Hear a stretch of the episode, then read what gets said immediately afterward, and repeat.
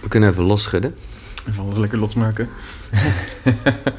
Dat is toch, dat is toch goed? Ja, ja, zeker. Ik had er nooit van het woord gehoord. Catharsis. Catharsis, ja. Wat betekent dat? Of wat is het? Eh, ja, daar, daar gaat het, dat, dat is echt een beetje het losschudden, het lostrillen van die, van die spanningen allemaal. Dat, zo, dat, dat doen heet catharsis. Ja, ja, ja, ja. Eh, maar de, de, de echte catharsis is eigenlijk de, de, de, de onwillekeurige beweging. Dus als ik zo ga schudden, doe ik het zelf. Doe je het zelf, ja, ja, ja, ja. Maar het is juist echt eh, na, wat dieren hebben eigenlijk. Soort van, na die angsten gaan ze helemaal shaken. dat, dat is catharsis. Ik had bij mijn eh, uh, ayahuasca-ervaring dat ik mezelf terugzag. Want ik had er gewoon een koopbroodje neergezet, maar stop nu. en dan zag je gewoon zo de hele tijd mijn voeten flapperen. Zo. Niet normaal, joh. En toen zei later Xander, mijn begeleider, mijn gids ook ja, dat was gewoon even spanning loslaten. Ja, ja, 100 procent. Daarom mis ik het dansen ook zo, jongen. Nou ja, echt hè. Je hebt groot genoeg ruimte. Ja, oké, maar ja, ik, ben- ja dus, eigenlijk kan je, dat heb je helemaal gelijk in. Je kan ook prima in je eentje dansen, maar Ja. dat doe ik toch minder snel. Nee, nee, dat is waar.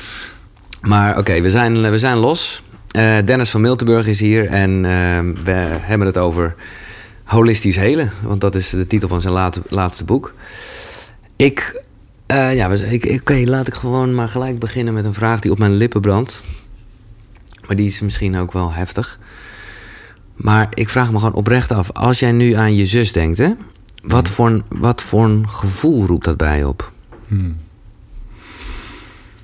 Zonder veel na te denken en, en, en, en te voelen is de eerste reactie eigenlijk dankbaarheid. Ja. Ja. ja. En gebeurt dat nog regelmatig? Ja.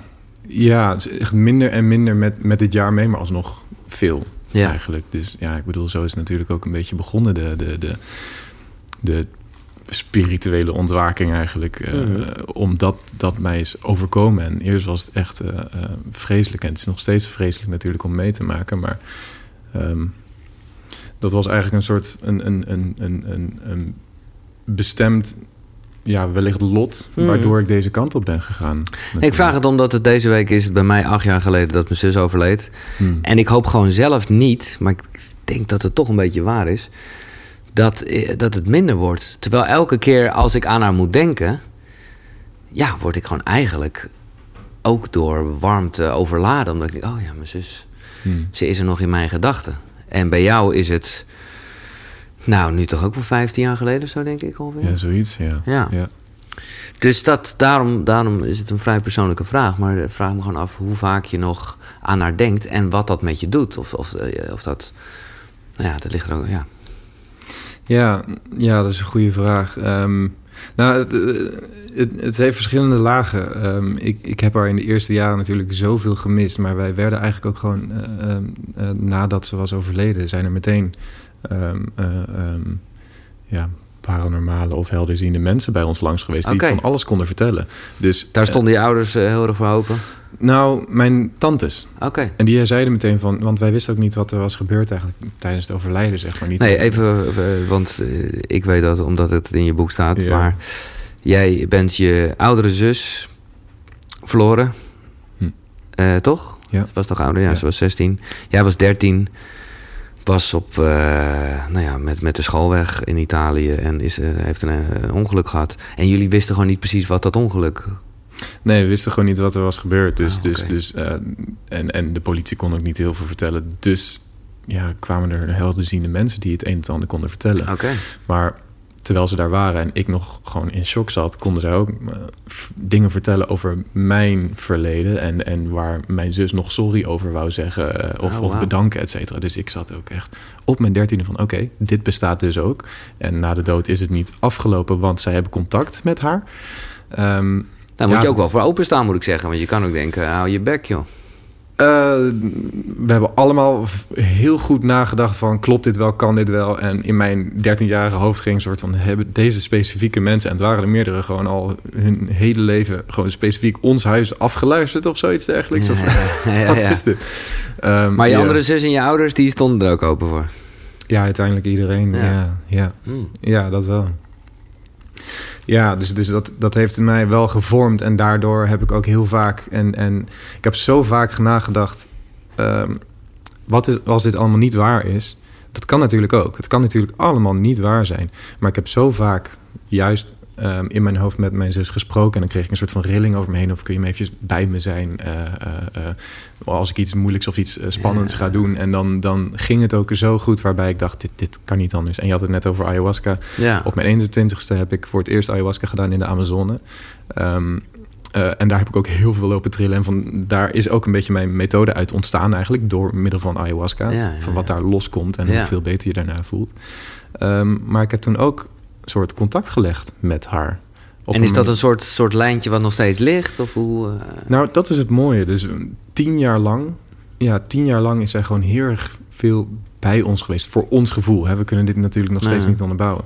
Um, maar um, elk jaar op, het, op de dag van overlijden komt, onze, uh, komt ons gezin bij elkaar. Tuurlijk, en, ja. en dat tiende jaar, toen waren we met z'n allen... in plaats van dat we echt in heel erg verdriet zaten... Um, hadden we allemaal een bepaalde rust. En toen voelden we allemaal tegelijk eigenlijk van... Um, ze is heel veel bij ons geweest en nu gaat ze lekker... De, pff, Oh, wauw. gaat ze meer haar eigen Hmm. ding doen. Oh, oké, oké. Ja. Het was wel een bijzondere ervaring eigenlijk. Ja. Ja.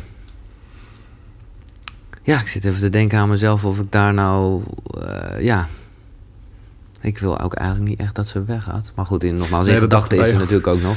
Ja, Maar- en, en eh, kijk, voor mijn gevoel is elke keer als, als ik, als ik met, met haar spreek of aan haar denk, dan is ze er weer. Ja, exact. Nee, Ja. precies. Mooi. Ja. Ja, dit was, eh, de, dat zei je al, het begin van jouw reis. Waar wij, eh, ik bedoel, de, de, de manier van het overlijden van eh, onze beide zus is heel anders. En een andere leeftijd. Want als je 13 bent, ik bedoel, ik was gewoon in de 30. eh, dus dan, dan neem je dat wel anders tot je. ja, maar het is, het is nooit... Nee, tuurlijk. Maar waar wij wel echt gelijk in opgaan, vind ik mooi, is dat jij vervolgens heel erg bent gaan sporten. En daarin eigenlijk de ontdekking had van: hé, hey, dit doet iets met je. Hm. En er is meer dan alleen sporten. En toen was je echt al 15, 16, ging je ook mediteren erbij. Nou, ik bedoel, daar, daar was ik een stuk later in. Maar wel dat die, ja, wat een beetje begon als een uitlaatklep, denk ik. Dat dat, dat, dat heel veel met je gevoel deed. Kan Ja. je, als je even teruggaat naar dat gevoel, hoe, hoe, hoe kwam je daartoe? Hoe kwam ik daartoe? Ehm, Want eerst ga je gewoon ordinair naar de sportschool en gewoon rammen. ja, nou, dat, dat was het ook hoor. Ja, nee, natuurlijk.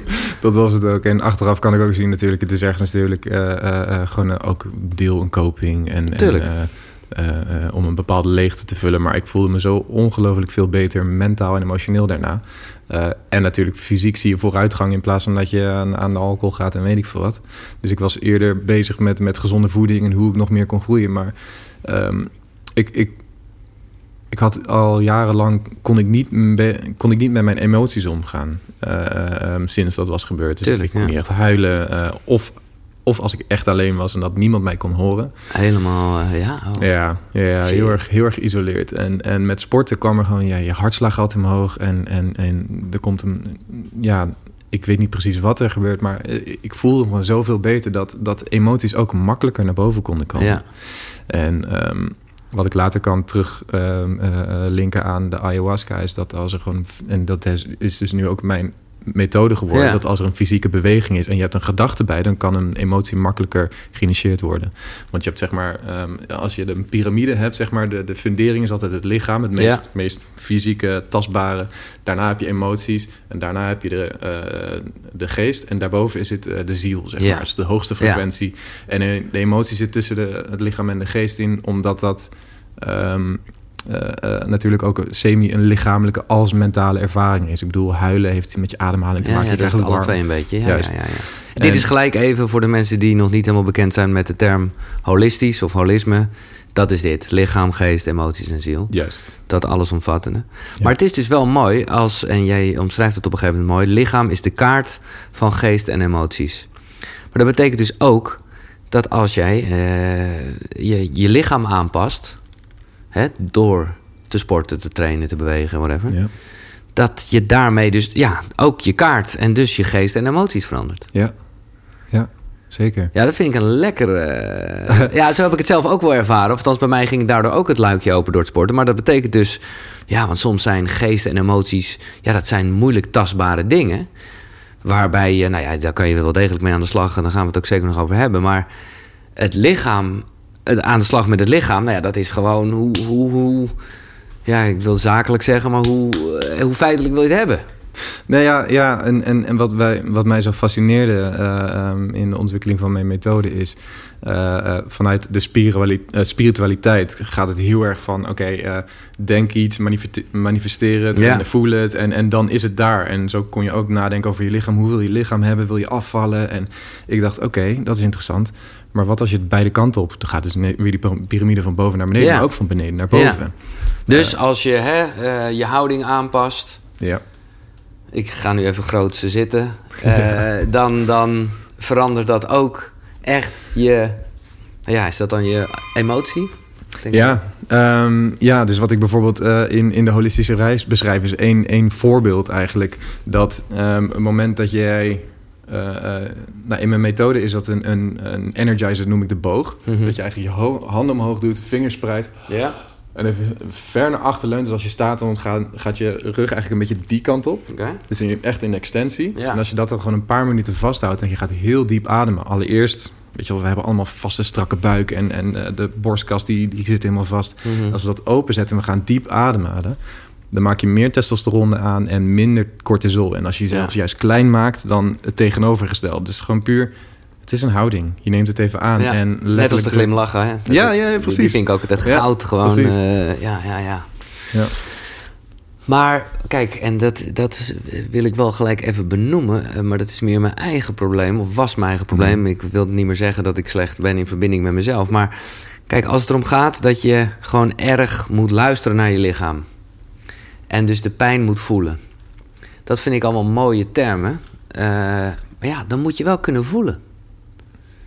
Snap je wat ik bedoel? Zeker. Dus dat is, ja, als ik naar mijn eigen ontwikkeling kijk, was dat, nou ja, dat begon letterlijk bij het sporten. Dat ik, me, dat ik gewoon heel slecht was. En nog steeds is daar iets te trainen in mijn mind-muscle connectie. Nou, dat mm. zegt achteraf genoeg, want daarmee sta je dus ook echt niet goed in verbinding met jezelf. En dat is dus ook geestelijk zo. Dus dat vind ik soms dan wel ja, lastig uh, ook als ik dat dan lees, heel van ja, nee, je moet je pijn voelen. Ja, ik zou wel willen. En ik vind het fantastisch, die mensen die echt, ik weet niet, ik denk dat jij daar inmiddels best wel goed in bent. Dat als je boos bent, voel jij dat dan ook ergens in je buik en zo? Uh, ja, als ik er naartoe ga. Ja, ja, ja, zeker. Nou ja, dus die mind-muscle connection is natuurlijk één ding. En, en uh, gevoelens is natuurlijk twee. Ja. En, en, we leven nou eenmaal in een maatschappij... en we zijn een beetje geconditioneerd om, om het allemaal niet echt te voelen. En dat heeft in het verleden ook redenen gehad. Uh, dus niet goed of slecht. Maar nu komt er gewoon heel veel uit. Althans, het wil eruit. Dat, dat is het een beetje. En dan komt het echt eruit op rare manieren of fysieke klachten. Ja. Um, uh, uh, maar vandaar ben ik ook juist onderzoek gaan doen van... oké, je moet gaan voelen. Oké, okay, succes. Ga nu, maar, ga nu maar heel even huilen. Kun je ja, dat nee, even ja, voor precies. me doen? Ja. dus, dus dat werkt niet. En vandaar heb ik dus... ik noemde, benoemde net een energizer... heb ik ook ontladingsoefeningen... die ik in, de, in de opleiding geef. Um, en daarmee heb ik bepaalde fysieke bewegingen gecreëerd... waarbij de emotie... Nou, het kan niet anders dan loskomen nee. eigenlijk. Dus, dus ik heb een manier om heel veel diepe boosheid of razernij eruit te kunnen halen. Uh, uh, um, intens verdriet of juist uh, de catharsis inderdaad. Ja. Dat is allemaal... Dat moet er soms uit. Het moet er soms echt uit. Dus, hè, dus jezelf open gaan zetten en die glimlach. En ja, ik voel me nu goed. Terwijl ik allemaal, allemaal zooien ja, in de schaduw heb zitten. Nee, nee, nee. Zo nee, werkt het ook weer niet. Nee, nee, je moet ook daar naartoe. En um, daarin is het inderdaad niet van, nou, succes, uh, ga maar even in een hoekje zitten huilen. Dat werkt niet. En, en heel veel mensen kunnen dat niet. Uh, uh, vandaar deze methode, om juist echt even die, die, die pijn op te zoeken, maar dan ook echt op de meest efficiënte manier. Dus dat is echt jouw holistische aanpak. Dat is echt de combinatie van lichamelijke beweging en het daar dan ook over hebben. Ja, ja, ja, ja. Dus, dus een sessie ziet er over het algemeen uit dat ik gewoon heel veel aan het praten ben. Maar ook door middel van conversatie ja. kan je eigenlijk al heel diep gaan. En kan, kan je soms op bepaalde punten raken. Uh, waarbij er meteen al iets loskomt. Ja, Hè, ik bedoel, uh, in, in de gezichtsuitdrukking, of daarom kan je ook voelen. Als ik mijzelf kan voelen, kan ik ook steeds meer leren om jou te voelen. En als wij ja, die rode draad gaan volgen, en dan voel ik, oeh, daar zit een pijn. Als ik daarop in ga praten of vragen, dan kom je ook ergens. En als het dan niet naar boven komt, ja, dan gaan we lekker bewegen. Ja, nee, top. Ja. En is dit dan, uh, dat was voor mij ook een nieuw woord, psychosomatiek? Psychosomatiek, ja. Uh, ja uh, grotendeels. psychosomatiek is in principe ehm, dat, dat mentale problemen zich uiten in het fysieke. Ja, ja, precies. Ja, ja, ja, ja, ja oké. En, en dat is dus de hele door naar de kern te gaan in plaats van, nou ja, een paracetamol te nemen. Of, uh, nou ja, of allebei. Of allebei. nou, nou, ja, dat kan ook inderdaad. Nou ja, ik vind het wel even mooi. Uh, het verschil tussen helen en genezen. Uh, ja, nou ja, om nog, nog heel eventjes terug te komen op die psychosomatiek. Um, het is heel vaak um, het is goed luisteren naar wat jij zegt, inderdaad. Ik bedoel, ik kan het wel horen, maar daarom is ook, uh, weet je wel, dus uh, die mind-emotie, het holistische is natuurlijk ook luisteren naar wat de ander voelt. Yeah. En, en dat is soms heel erg moeilijk, zeg maar. Als je empathisch bent of hooggevoelig, kan je het wel aanvoelen, maar niet iedereen. Maar ook somatisch luisteren is ook weer interessant. Wat zegt jouw houding? Wat zegt je lichaam? wat is je ademhaling, je gezichtsuitdrukking? En zo kom je heel ver. Um, terug op je vraag, uh, wat is het verschil tussen genezen en helen? Uh, in mijn boek beschrijf ik het eigenlijk, um, en dit is eigenlijk mijn optiek. Genezen is eigenlijk het fysieke. Dus ja. de, de, de, de, dokter plaatst de wond en de natuur die, die geneest het. Ja. En helen is eigenlijk meer het mentale, emotionele. En, en die alle twee, of zeg maar de, de genezen en helen, of die drie stukken bij elkaar, is altijd een, een zielsproces. Wat is de derde dan? Dat snap ik even niet. Uh, lichaam, uh, emotie en oh, ja, ja, ja. Ja, ja, ja. precies. Maar dit even, ja, je zegt nu ook weer lichaam, emotie en geest. En op een gegeven moment heb je het ook over mentaal, emotioneel en fysiek. Ik weet dan niet zo goed het verschil tussen mentaal en emotioneel. Um, nou, we hadden net een conversatie over wat, wat, wat uh, um, over een bepaalde beslissing die we soms moeten maken. Ja. En dan... Laat ik het ehm, gewoon op tafel gooien. Ik gooi alles graag op tafel. ik, ik nam jou gewoon mee in de twijfel of ik al dan niet wel de Koekeroe Theatertour ga doen. Omdat ik dat lastig vind. Omdat ik het heel graag wil doen. Ik vind het een mooie manier om uh, een boodschap over te brengen. Een missie van Koekeroe. Uh, maar we leven gewoon in een tijd dat, het, uh, ja, dat ik daarmee verplicht naar de mensen die willen dat ze zich moeten laten testen of uh, vaccineren. Of in ieder geval zo'n bewijs daarvan gezondheid moeten geven. En ja, ik weet niet zo goed wat ik daarmee moet. Hm. Dus, uh, nou ja, dus ga hem door met dit voorbeeld. Ik ben heel benieuwd. Nou ja, uh, ik ga niet een antwoord daarop nee, nee, bieden nee, nee, natuurlijk. Um, maar... Um, ik, ik zat heel erg te denken, zei jij tegen Precies, mij. nou jij ja. zei van... Uh, ik vroeg aan jou, wat voel je? En toen zei ik, ja, mijn gevoel is uh, heel dubbel. Ja. Um, en meestal is een gedachte dubbel. Die gaat afwegen. En een gevoel is eigenlijk intuïtief gewoon... dit wil ik. Ja. Maar de meeste krijg je, ja, maar dit en dat en wat. En, en daarom een soort van naar je gevoel luisteren... naar je intuïtie of naar je hart luisteren... is eigenlijk gewoon een soort van... het is links of het is rechts. Het is gewoon... Er is geen middenweg. Nee. Oké, maar wat is dan... dat is een term die vaak ook, moet ik eerlijk zeggen... door psychologen en dergelijke bij mij gebruikt is. En ik weet nog steeds niet echt hoe ik dat moet plaatsen... maar ik denk ja. dat het heel erg hiermee te maken heeft. Ambivalent zijn. Ja. Dat is toch juist een beetje zo van, ja, daartussen hangen? Ja. In gevoel, um, toch? Dat is toch geen ratio, wel? Op zich wel, ja. Voor, voor, mijn, voor mijn gevoel wel, ja. Maar ik, ik, ik, onderscheid het, ik onderscheid het eigenlijk in, in drie stukken. Dus okay. je hebt echt je onderbuik, je, je instinct. Um, ja. En dat is dus echt het lichaam. Hè. Uh, dat is echt uh, de fight or flight, het survival modus. En die geeft gewoon heel, heel goed aan... voel ik me veilig of niet? Is dit een ja of is dit gewoon echt een nee? Dit helpt ja. ook met als mensen niet goed uh, hun grenzen kunnen aangeven. Nee, tot hier niet verder. Uh, uh, daarin kan je heel goed keuzes maken van... ik voel gewoon in mijn lichaam van... nee, dit is een no-go. Of juist wel. Is dat ook intuïtie? Is dit nee, dat is dus instinct. Oh, dat is instinct. Ja, ja, ja. Okay, dus okay, dat is je onderbuik. Oh, nice. Okay, ja. ja, ja. En, en daarna rondom je hart, uh, uh, je hartchakra of hoe je het ook wil noemen. Dat is je intuïtie. En dat is ook wel gelinkt aan het zoogdierenbrein. Dus die kunnen ook veel verder voelen dan alleen zichzelf. Um, en, en die kunnen denken aan de rest. En daarbij kan je gewoon echt voelen... ik voel dat ik die kant op moet gaan. En dat is gewoon puur... Het is zo, zo, zo simpel, maar die fluistert altijd. Het is gewoon heel moeilijk om naar te luisteren. Maar ja. dat is gewoon puur simpel. Um, dit wil ik. Of ja. dit voel ik. Uh, um, en, en die kant moet ik op gaan. En dan heb je nog je hoofd. Die kan alles. Die, die, kan, gaat, die nee, gaat alle kanten op, die zeg kan, maar. Ja, maar die, die kan lekker lijstjes maken met plus en min toestanden. Ja, ja. En een klein voorbeeld is eigenlijk, een, achteraf een heel groot voorbeeld, is uh, uh, dat ik uh, na, de, na de middelbare school, die ik gewoon ja, door, door, door het verlies wat ik had meegemaakt, ja. gewoon, ja, ik, ik, ik, ik begreep niet wat ik eigenlijk aan het doen was. Nee. Iedereen zei, ja, je moet een papiertje halen en, en school afmaken... en dan een bepaalde baan zoeken voor een stukje veiligheid, pensioen. Want dan, dan ben je pas gelukkig. En iedereen die dat zei, die was niet gelukkig. Dus ik zat echt, wat gebeurt hier? Waar- heb je het over? Ja, vet, ja. Dus toen ik klaar was, toen heb, ben ik, ehm, drie, heb ik drie pogingen gedaan om te studeren. Maar ik deed het voor mijn ouders. Want die wouden, nou ja, ze, hebben het niet geforceerd, maar Ja, ze, dat was hun, hun visie van dat is een stabiele manier om zeg maar door te gaan. En ik, ik heb dus naar mijn hoofd geluisterd om te studeren. En elke keer na vijf weken of na een jaar dacht ik, dit, dit, dit, dit is niet. En ik voelde elke keer, ik voelde elke keer dat ik moest gaan reizen. Dus ik heb naar mijn hart geluisterd. Ik moet gewoon reizen. Ja. En toen ben ik dus naar Peru gegaan, naar Azië, Ja. om al die helingsmethodes te, te onderzoeken. En elke keer als ik terugkwam, echt zo, ja, oké, nou fijn dat je leuk had, maar en nu? Wat ga je nu studeren? Ja. En op een gegeven moment was ik dusdanig verder dat ik dacht, nee, ik, dit, Dit is, gewoon, het. ja, dat is eh, gewoon echt een keuze vanuit mijn hart. Ja, vanuit je hart. En, en, en eh, je, wat zijn je instinct in deze dan? Eh, het instinct was niet in gevaar. Nee, die oké, voelde dus zich dat niet reageert onveilig. dan ook helemaal niet. Ja, Nee. ja, ja, oké.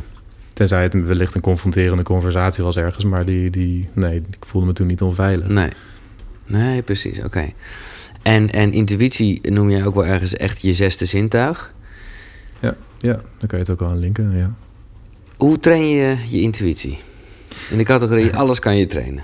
Ja, ehm, nou, je hebt ongetwijfeld hier ergens een boek over chakra's of iets dergelijks. zeker, hè? dus, ja, eh, ja. je hebt zeven chakras in je lichaam. Even om heel kort, dus je gaat van beneden naar boven. En dan heb je in midden is je hart. En dan de zesde zintuig is meestal je voorhoofd. Dus het is wel iets meer mind eigenlijk. Ja. Dus dingen zien. Ehm, eh, ja, die kan je inderdaad trainen. Oh, maar ik dacht dat het ook pijnappelklier was. Is dat niet ja, zesde? ja, ja, ja, nee, oké. precies. dus dat dat is aan verbonden. Ja, oké. Ehm, maar je hart is trainen. Trainen, dat is ook weer zo'n interessante eigenlijk. Ehm, ik denk, of althans wat ik nu wil zeggen, Ja. is eigenlijk... ehm, het trainen is om te leren luisteren. Want het is niet Ja. weg. Nee, Het is, het is nooit weg geweest. Nee. Eh, maar het soort van het hoofd is gewoon ongelooflijk overheersend. ja.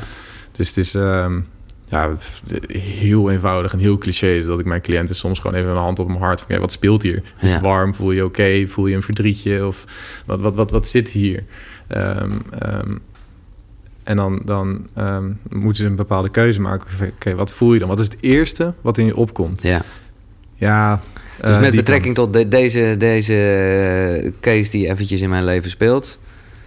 zou ik daar gewoon even met mezelf een goede sessie over moeten hebben... en echt naar mijn hart luisteren. Ah, volgens mij weet je het al. Ja, maar het is toch een middenweg. Oh, er is een middenweg. Ja, maar dat is toch ook een van de Ja. keuzes? Nee, precies. Ja.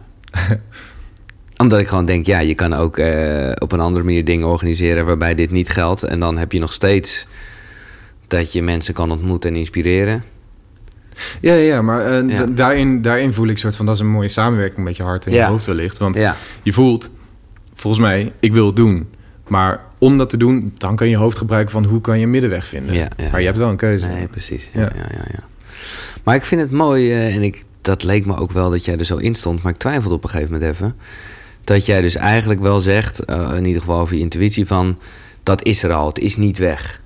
Dus een beetje van, eh, we zijn al, hè, je bent al goed eigenlijk. Toch? Ja. Ja. Ja, maar op een gegeven moment heb jij het. Ik heb er echt nog een papiertje bij gehad. Want ik denk, ja, eh, wat is dit nou ineens? Eh daar was het heel erg van. De evolutie geeft aan dat wij nooit perfectie zullen bereiken. Ja. Ja. Ja, vond ik, vond ik fucking negatief eigenlijk. Ik dacht, ik, ik dacht, ik bedoel, we zijn al perfect, toch? Eh, ja, wellicht in een spirituele, eh, spirituele view. Dit is, dit is ehm, Ja, precies. Misschien, eh, misschien plaat ik het uit de context nu hoor. Nou ja, kijk, wat ik daarmee bedoel, we zullen nooit perfectie bereiken. Ik weet niet of je dat wil bereiken. Dat is een bepaald streven naar iets waarbij je nooit symptomen, nooit klachten Ja. en, en in elke conversatie, in elke interactie helemaal perfect gaat en alles goed gaat.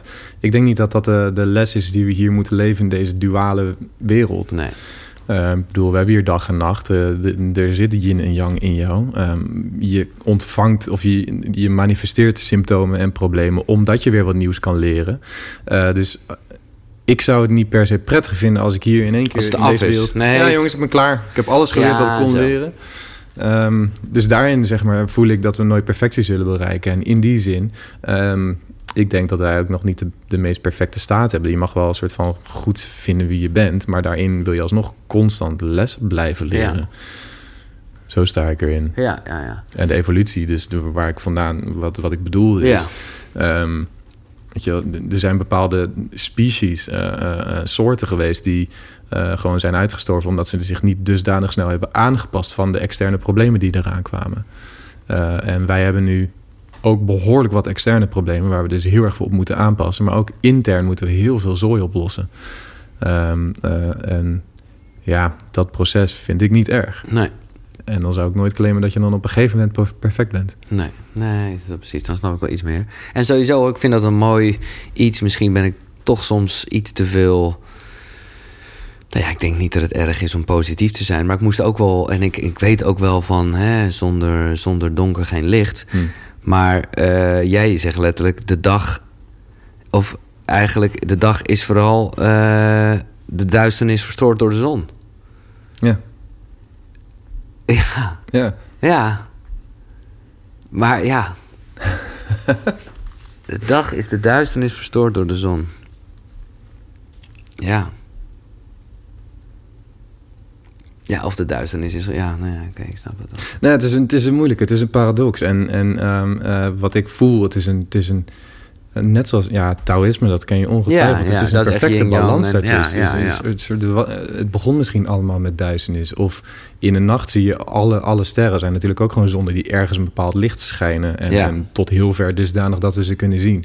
Dus het licht is ongelooflijk krachtig. Maar zonder duisternis weet je niet waar het licht eindigt. Nee. dus je weet niet uh, um, tot, tot waar je komt of hoe groot je bent. Of, uh, dus dus, dus uh, ik, ik zie het als een, een, een perfecte samenwerking. Ik vind duisternis vind ik, vind ik helemaal niet negatief. Nee, dat is, dat is, daar moet ik gewoon een beetje aan wennen. En ik voel het ook wel. Maar nou, op een gegeven moment haal je echt jongen aan die zegt: in iedereen van ons zit een monster. En dan denk ik: ja, ja, ja. uh, ja, nou, we moeten er nog een beetje aan wennen. Gewoon. Ja, dat is ook zo. En dat al helemaal in de spiritualiteit. En ik bedoel, ik ben hier ook steeds meer achter gekomen. Omdat in de spiritualiteit is het alleen maar positief denken. Nee, dus en dat is het ook niet. Nee, alles is liefde, uh, ja. En die mensen die, die, die, die, die, gaan, die zweven gewoon weg, zeg maar. En, en, um, ja. en, de, en de reden dat ik dat zeg en dat ik dat schrijf... is omdat ik daar ook ben geweest. Ja. Ik bedoel, op mijn, uh, op mijn dertiende, na die eerste zoveel jaar... ben ik ook in de spiritualiteit gedoken om te vluchten eigenlijk. Ja, oké. Okay. Dus ik wou eigenlijk gewoon een soort van weg. Ik wou, ging mediteren om in maar de hoop dat ik naar een ja. bepaalde andere realm zou kunnen gaan door middel van meditatie. Um, uh, en, en dat monster is eigenlijk wat ik daarnet zei: van we moeten ook gewoon heel veel innerlijke dingen. Er komen best wel wat. Er komt best wel wat collectieve pijn naar boven. Uh, uh, ik, ik ben ook pijn van mijn ouders en voorouders aan het oplossen. Weet je wel, de, de, de, een pijn van afwijzing of niet goed genoeg. Dat is, het is een hele oude pijn. Ja. En, en um, ik bedoel, de, de term therapie bestaat nog niet zo heel lang. Hè? En, en mijn moeder die zei ook gewoon de, de, term zelfontwikkeling, die kennen wij vroeger nee, ook niet. Nee. Ik bedoel, het is nu ook echt een tijd dat we naar, naar binnen moeten kijken. Ja. En de wereld vraagt er ook om. En dan moet je niet alleen maar positieve zooi gaan Nee, doen. eens. Ja. Eens. Ik uh, ga hier, want ik vind dat mooi en ik denk dat het uh, spot on is, even een stukje voorlezen. Dat doe ik niet zo heel vaak, maar ik vind het gewoon heel hm. mooi omschreven. Over de kaars. Stel jezelf een kamer voor met een brandende kaars in de hoek. Als jij in het midden van de ruimte gaat staan, projecteert het kaarslicht jouw schaduw op de tegenovergestelde. Nou, misschien kun je het gewoon beter uitleggen. Want uh, ik ga het nu heel erg zo voorlezen, maar uh, dat slaat nergens op. Uh, ja, ja, ja, Oké, okay, dus. Nou, wat je zei is: je hebt gewoon een kamer.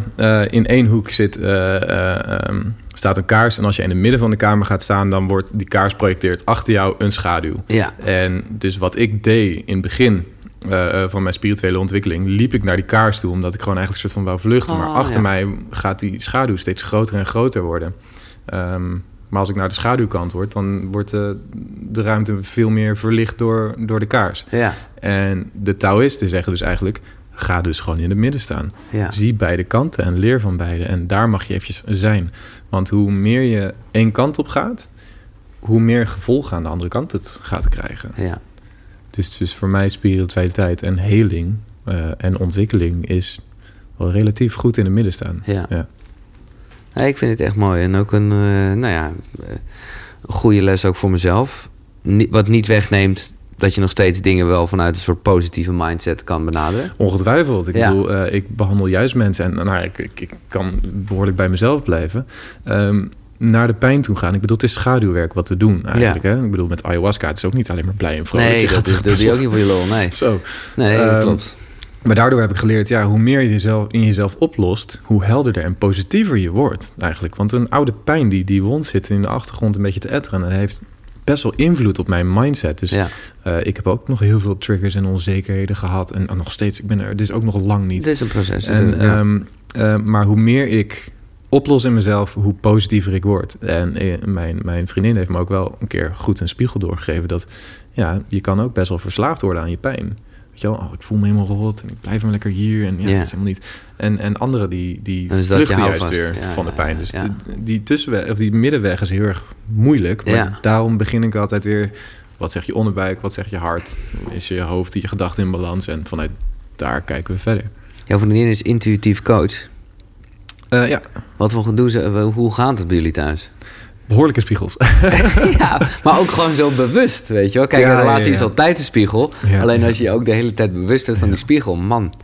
Ja, het is, het is, eh, eh, voor mij is het wel heel erg intens geweest. Want zij heeft mij ook heel erg geholpen met, met, met die, die, die maskers die ik nog niet zag. Ik bedoel, ik ben al zo ver eh, ehm, aan het zoeken en aan het kijken en in mezelf aan het graven. Maar als iemand zegt van, je- je- kijk iets meer naar links, dan Ja. zie je daar liggen. Ja, Ehm, eh, dus dus ehm, ja, ik ben wel door, wat, wat zware processen heen gegaan. eh, dankzij haar spiegel. Ik denk dat ook de, de vrouwelijke energie is over het algemeen om, om, een spiegel voor de man neer te zetten. En hoe meer ik ook gewoon die confrontaties aanga, hoe beter en mooier het wordt. ja. Ja, nee, dus het is eigenlijk, ja, het is een blessing in disguise. Nee, Ja. begrijp ik. Maar is het zo, eh, dit is ook een, een, een vraag vanuit mezelf hoor, heel erg. Kan je ook te veel met jezelf bezig zijn? Ik las Ja. ergens, las ik eh, een mooie, als je jezelf te veel repareert, ga je stuk. en eh, ja, dat is ook een beetje het gevaar namelijk van, ja, van persoonlijke ontwikkeling. Jij zegt terecht, dat is niet iets wat heel lang bestaat. Maar ja, weet je, de, uiteindelijk is jouw boodschap, zoals eh, vele boeken die hier staan, gewoon leef. Ja, ja. Ehm, dit is een hele goede vraag. Ehm, als ik zeg leef, dan eh, ehm, merk ik dat ik meer leef en vrijer leef en vrijer voel als ik al wat werk gedaan heb. Dat sowieso. Ehm, als ik het in een iets bredere zin ehm, eh, bekijk en benoem, eh, eh, ehm, voel ik ook echt. Wij zijn hier allemaal in deze tijd ook op aarde gekomen omdat we het aankunnen. Al die innerlijke, al dat innerlijk werk. Ik bedoel, wij zijn hier om, om die, die oude, oude pijn op te lossen. En ehm, vandaar zijn die termen hier nu. En vandaar, daar, vandaar zijn er zoveel coaches en zoveel therapeuten en weet ik wat. Omdat het nu de tijd is om te werken. Ja, Dat is nu gewoon helemaal zo. En je ziet Ja. wel, de- we zitten ook echt op een kantelpunt eh, hier eh, mondiaal.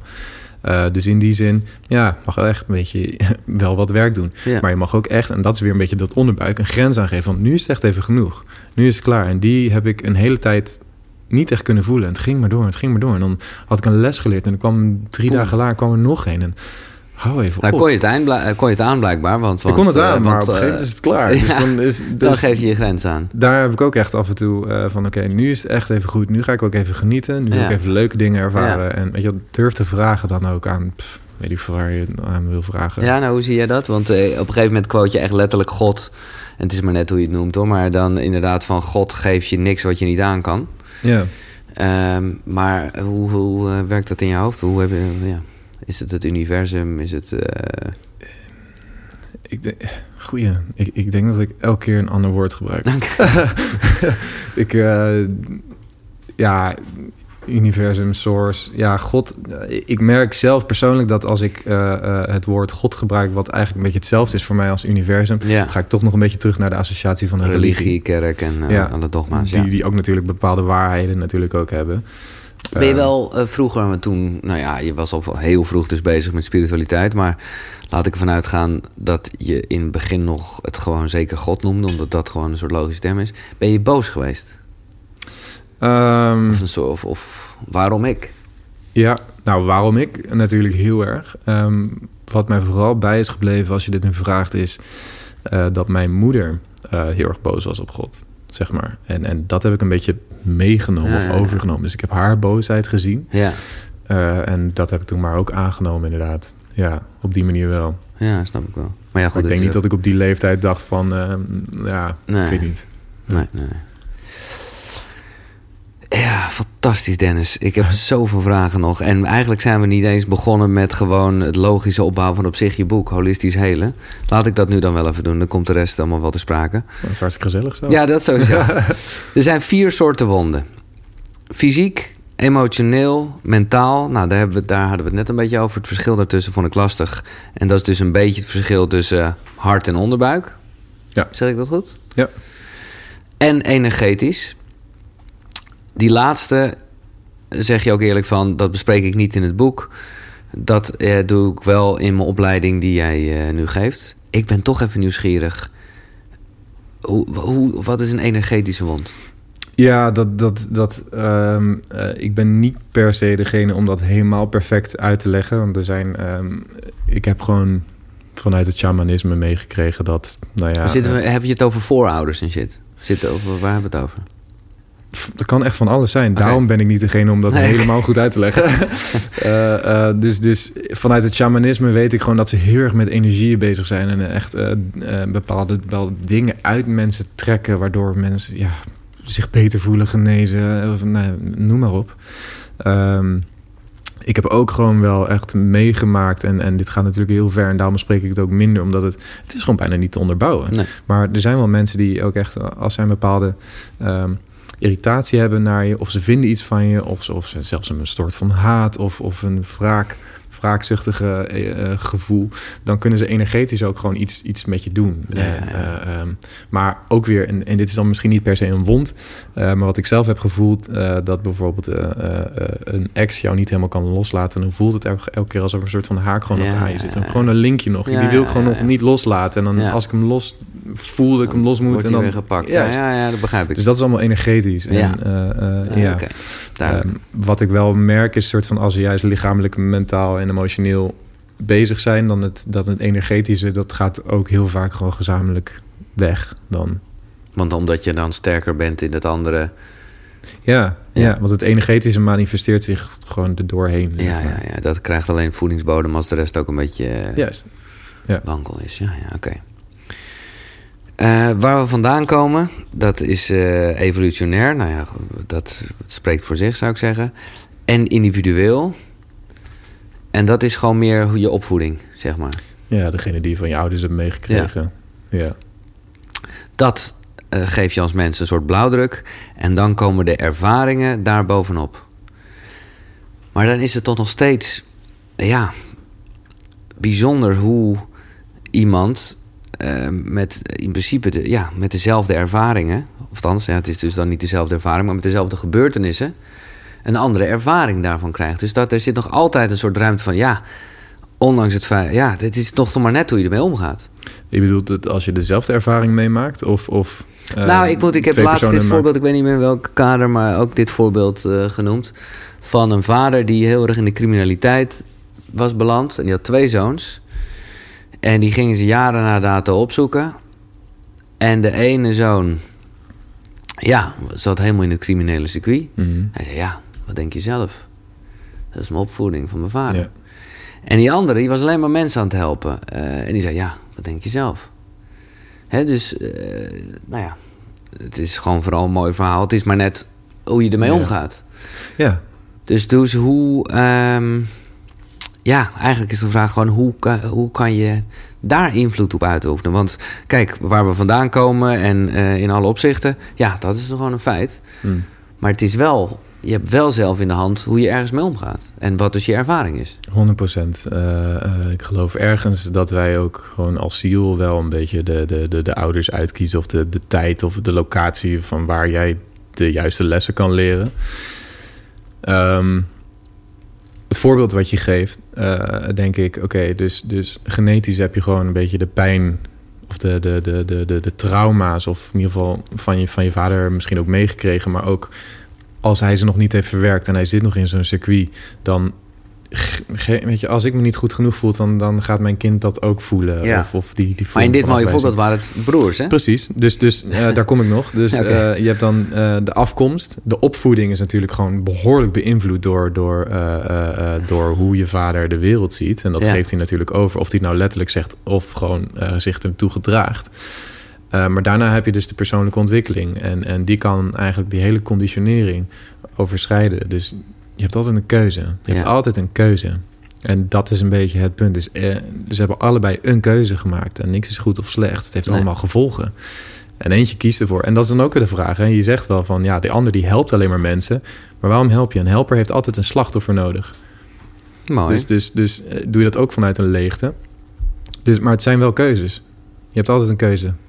Ja. En het is, ik, terwijl ik het zeg, eh, denk ik ook, ja, het, het, het, het, eh, het, het- opvoeding is natuurlijk niet alleen van de ouders. In de zin Nee. van, dat is ook je omgeving, van je vrienden, wat je kijkt, eh, tot je neemt. En ja. daar, nou ja, daar maak je uiteindelijk een ervaring en een keuze van. Ja, ja, ja. De, nog eventjes terug, want dat vind ik leuk hoe jij de hele tijd ook gewoon het lichaam erbij haalt. Ehm, de wervelkolom is, ehm, is belangrijk. Terwijl ik dat zit, denk ik, god, ik zit niet goed. Maar dat ligt meer aan de mic die gewoon een beetje verrot zit.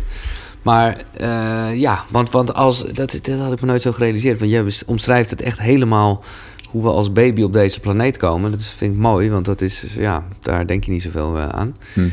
En op dat moment hebben wij nog niet echt een wervelkolom of is hij gewoon niet sterk genoeg?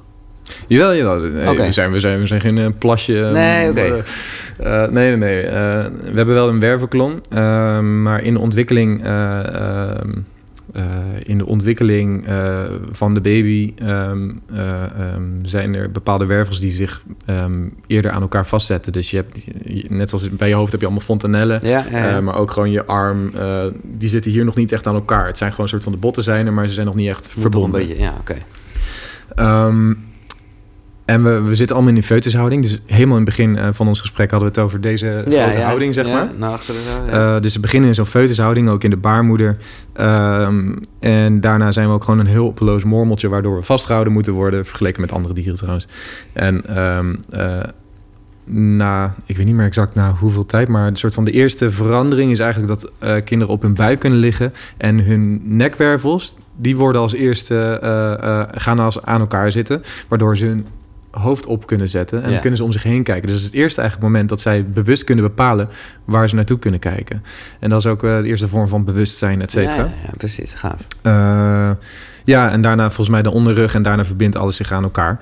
Eh, maar het interessante vind ik dus inderdaad, met, met heel veel van mijn beweging inderdaad, we gaan, ik maak mezelf of, of mijn cliënt ook heel vaak gewoon ook juist klein, omdat die geborgenheid ook soms die veiligheid geeft Ja, eh, om, om emoties los te kunnen maken of, of wat er ook nodig is. ja. Ja, dat zie je een soort van. eh, ehm, het, maar het kan veiligheid zijn, maar ook een soort van angst. Je hebt ook een hond die de staart tussen de benen doet en het hoofd omlaag doet. Dus dat zit er ook mee. Dus dat, dat is weer een houding de, Ja, van de werfklom. Die, die zegt heel veel, die doet heel veel.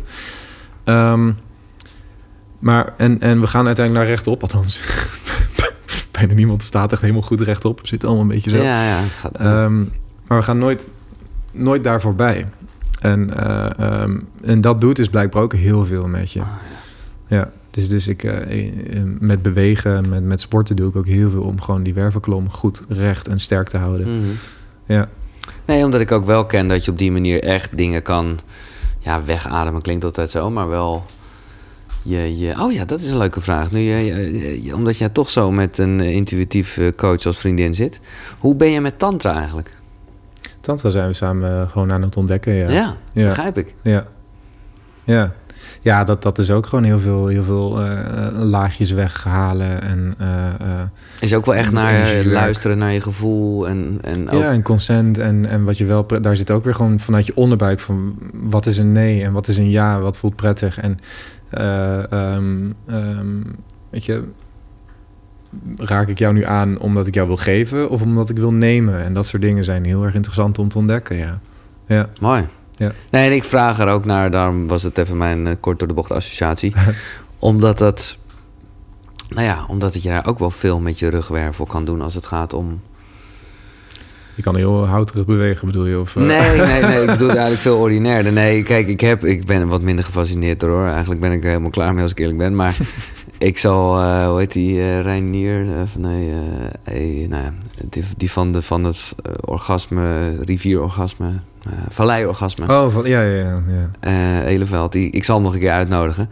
Maar dat gaat er gewoon heel erg over dat je dan eigenlijk zeg maar ademt door je door je spine Rug. en dat soort dingen. Ja, Ja, ja, precies. Oké, daar, daarin moet ik heel eerlijk zeggen, ehm, ik weet heel veel over de spine. Ik weet heel veel over, ik voel heel veel energie. Ik voel heel erg intuïtief en ehm, mijn, ik heb ook, eh, we hadden het er net over, weet je wel, ehm, kan je intuïtie trainen? Nou, het is eerder leren luisteren en zo helpen Ja. mensen ook leren luisteren naar hun onderbuikgevoel.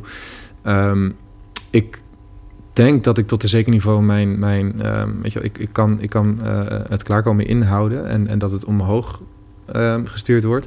Ik weet niet waar een soort van als ze zeggen, ja, voel door je spine in. Dus ik echt een beetje, eh, oké. Nee, ik, ik, ik, ik weet het niet helemaal. Nee. Ik voel het niet helemaal. Maar je, je hebt wel in ieder geval dat waar ik nogmaals lang door gefascineerd was, dat je wel klaar komt, maar niet ejaculeert.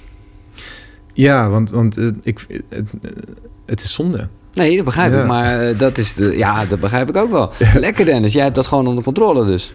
Nou ja, ja, ja en nee. Want, want eh, het is wel de bedoeling dat het omhoog gestuurd wordt... in plaats Ja. van dat het ingehouden wordt. En Ja. daarom soort van... Ik ben... Ik, ik, tantra is nog nieuw ook Ja, voor mij. maar daarin soort van... Je wilt ook niet aan een ophoop of zo. Daarom moet omhoog geademd worden. En ja, dat voel ik dan niet helemaal. Dus het is een... eh, Nee, daarom ik, laat ik ook dit verklaren, want ik heb het er heel lang over gehad. En hoezo ben ik er nu klaar mee? Omdat het ook wel een beetje frustratie kan geven. Dat je gewoon denkt, nou sorry hoor.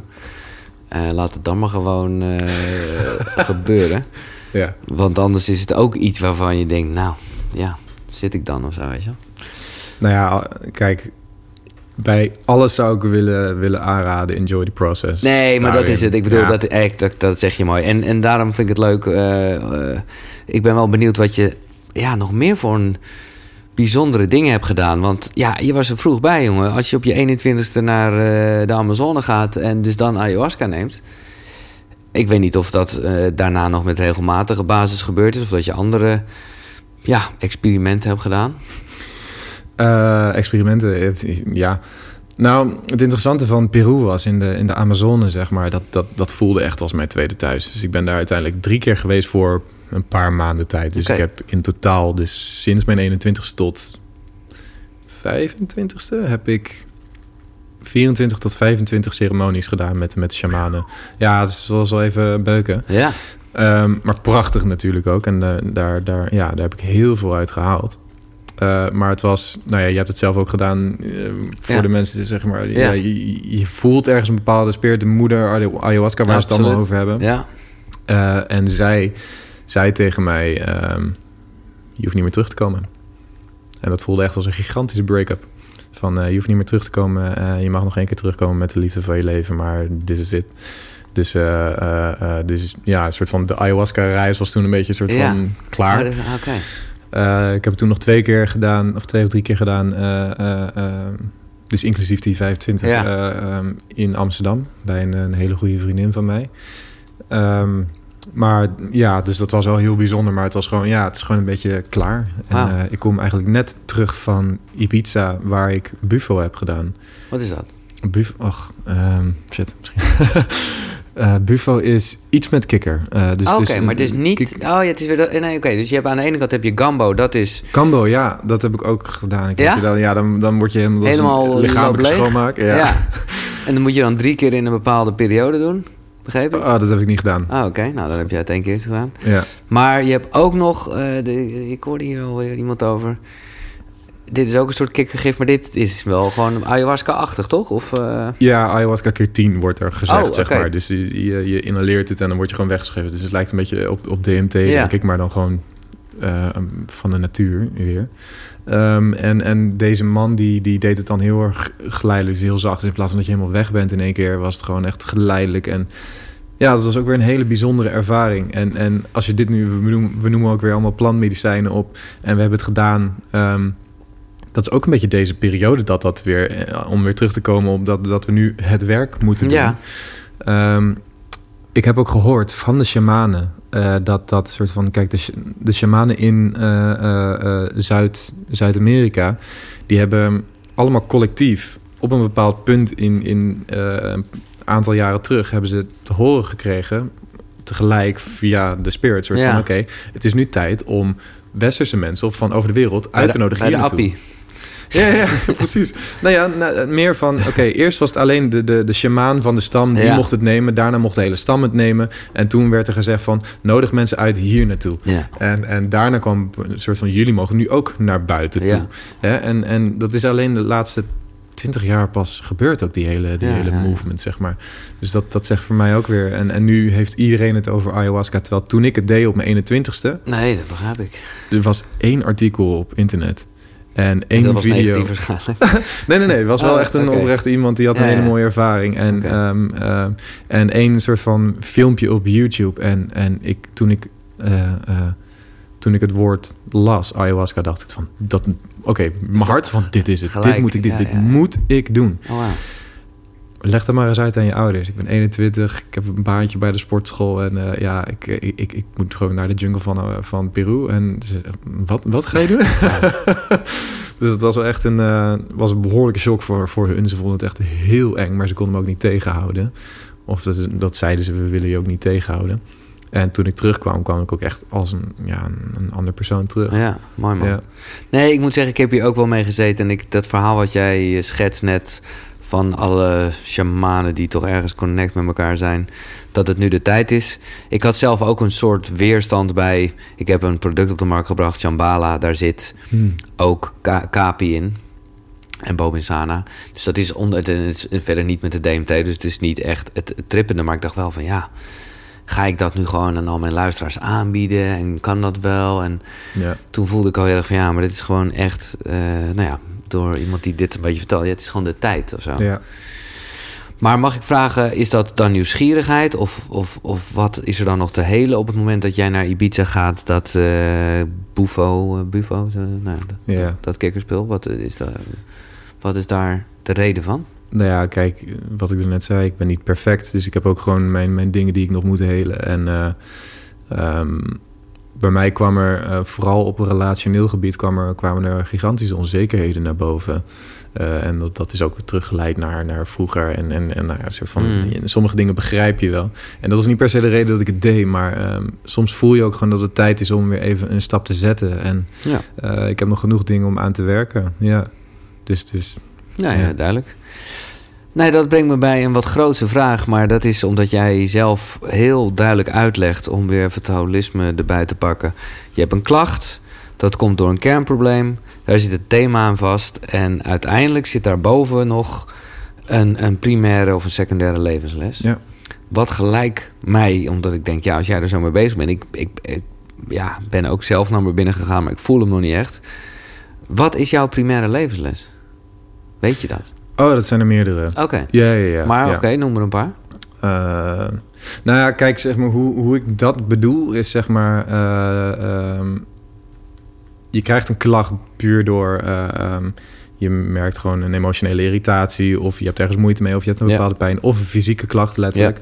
Nou, daar ligt iets onder. Dat is een, een pro- probleem. Zeg maar, waar komt dat vandaan? Waar is het ontstaan? Waar begon het een beetje van vroeger? Ja. Eh, ehm, En daar is dus zit- vaak heel wel, hè, dat heb ik al vaak besproken, maar kan niet vaak genoeg. Ik heb laatst dat hele boek gekocht waar al die, eh, ja, die, die, die linkjes worden gelegd. Ah, als je ja. ergens hier last van hebt. Ja, Ja. ik vind het machtig mooi, moet ik eerlijk Ja, zeggen. bizar hè? Ja.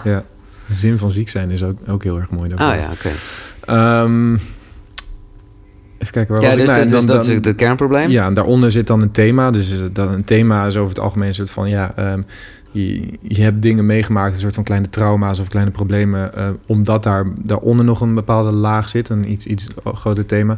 En daar kan je gewoon wat van leren. Dus eh, inderdaad, eh, mijn onzekerheid, ja, de les daarvan is een soort van zelfacceptatie, zelfliefde... Ja, ja. En, en dat soort dingen. Dus dat zijn bepaalde lessen. Een, een thema in mijn leven is ongetwijfeld wel liefde. Maar ik denk dat jij een soort van...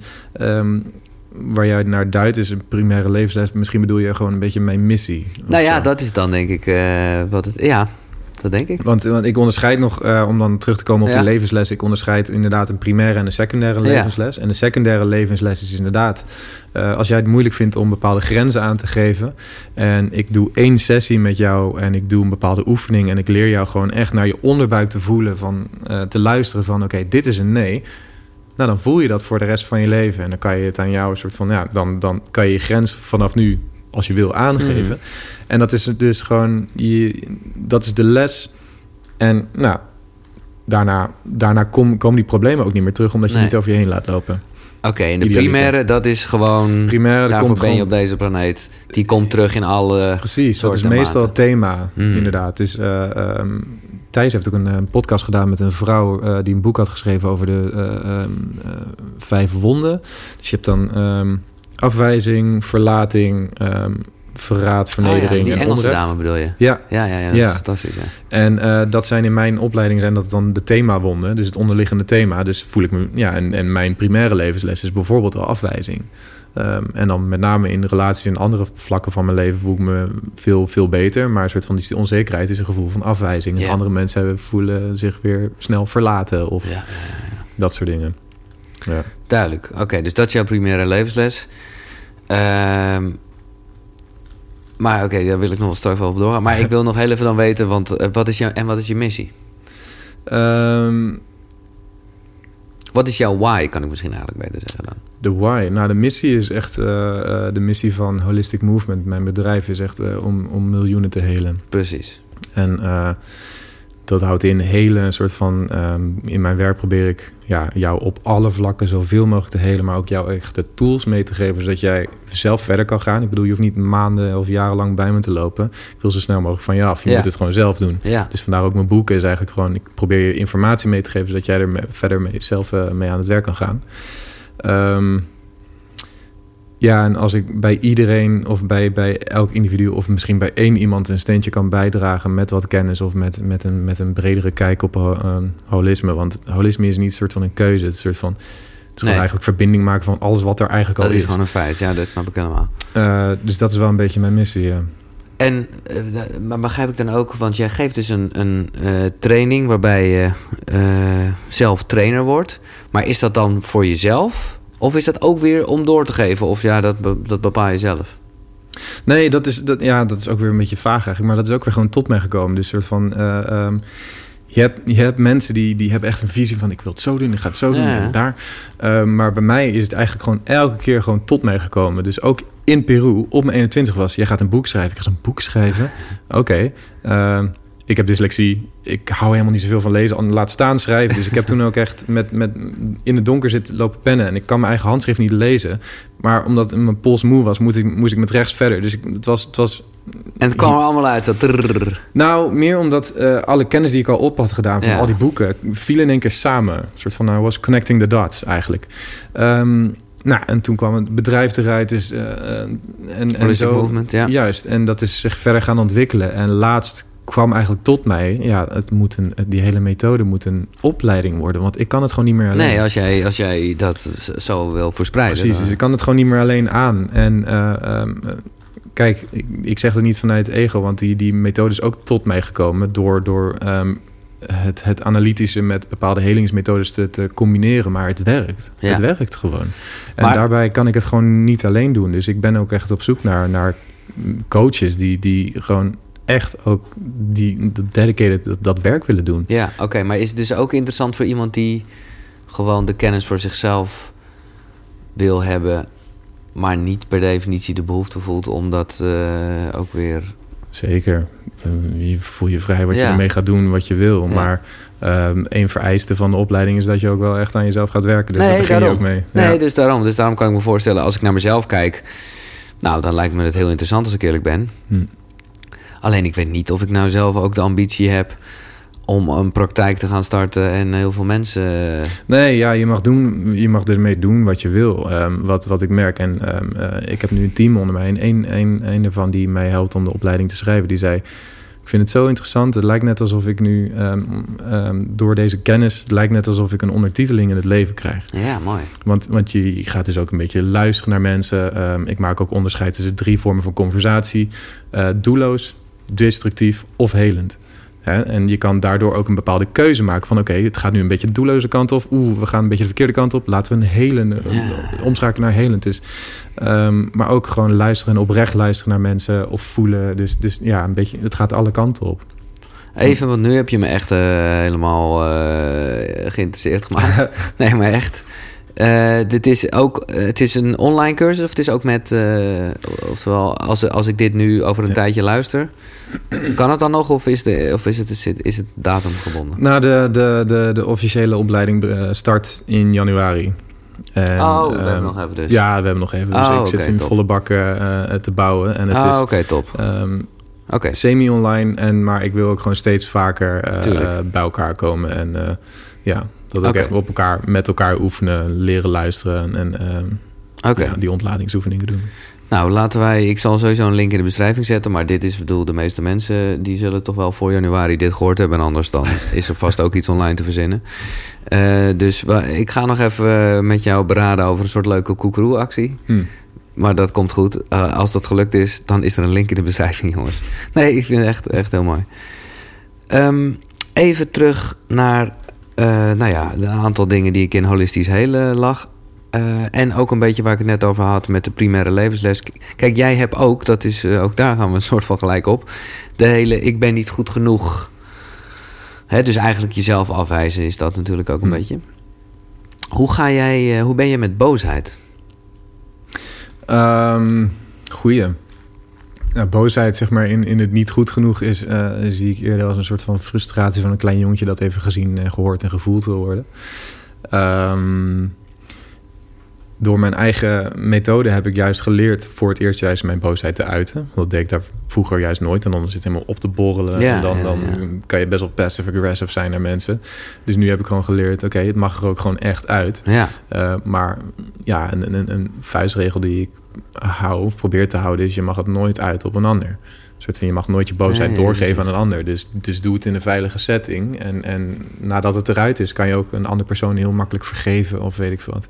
Maar daarin ben ik ook niet perfect. Dus ik, eh, ehm, ja, de spiegel van mijn vriendin ben ik eh, ook nog één of twee keer ben ik gewoon echt even heel erg boos geworden. Omdat eh, dan, dan dat, dat kleine jongetje in mij, die, die heeft dan even de aandacht nodig. Maar omdat ze voelt van je doet het op zo'n verkeerde manier. Dat ga ik nu ook gewoon niet geven, want het is niet Nee. gezond. Dus ik, ja, dan Ja, kan, ja, ik, kan ik wel echt even boos worden. Maar ehm, dat, dat, dat gaat zo ongelooflijk veel beter juist de laatste tijd.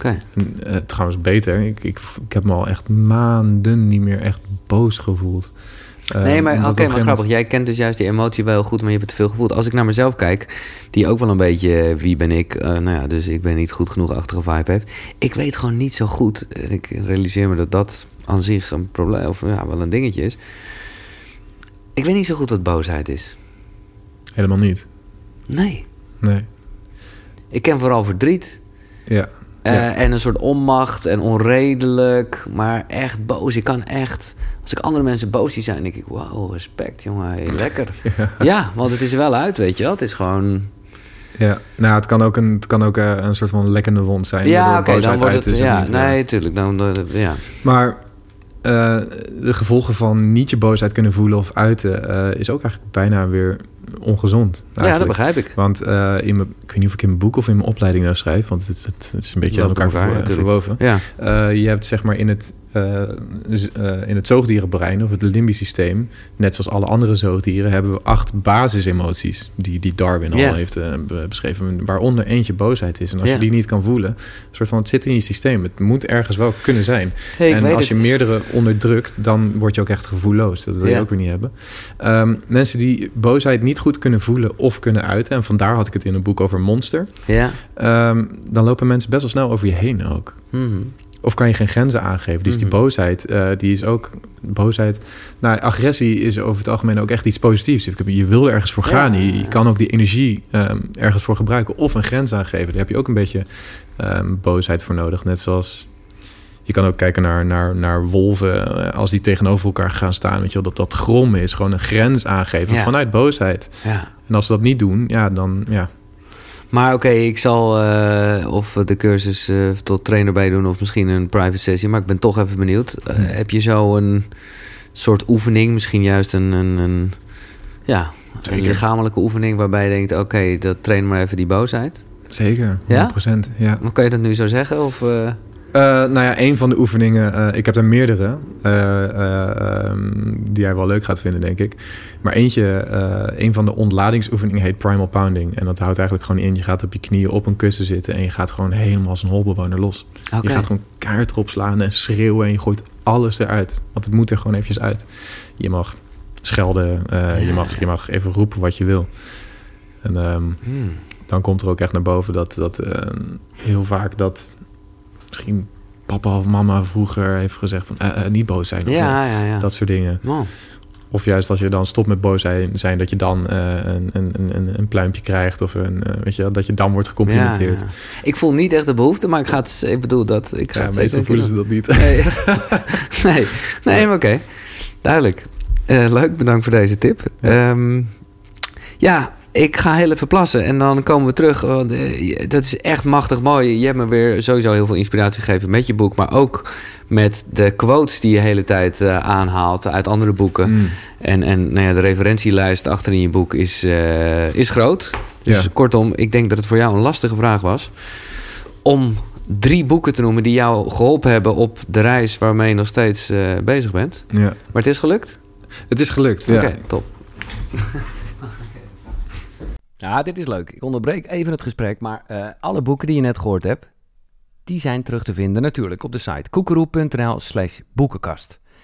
Maar ik heb een extraatje, want daar vind je ook een link naar een aanbieding van Nextory, waarmee je alle boeken 50 dagen gratis kan lezen en luisteren. En hebben het niet alleen over deze drie boeken, nee, er staan daar 300.000 luisterboeken en e-books. Dus ga naar koekeroe.nl slash boekenkast om 50 dagen lang gratis Nextory te gebruiken.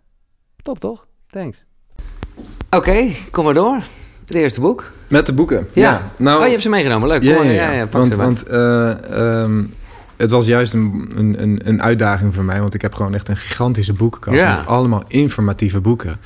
Uh, dus ik dacht, Oké, dus, dus wat je al zei, dus, er zit een behoorlijke referentie in. Ja, dus ik dacht, ga ik die boeken dan kiezen? Maar eigenlijk zijn mijn boeken een beetje een samenvoeging van al die kennis, zodat het, het ja, wat makkelijker te lezen is. Ja, ja. Uh, dus ik dacht, ik uh, doe juist uh, meer wat boeken die ik gewoon los van mijn studie interessant vind. Oh, je hebt echt gewoon fictieachtige dingen en zo. Nou, semi. Ja? de eerste is Men's Search for Meaning. Ik heb wel één of twee quotes ervan ja, ja, zeker, aan toegevoegd.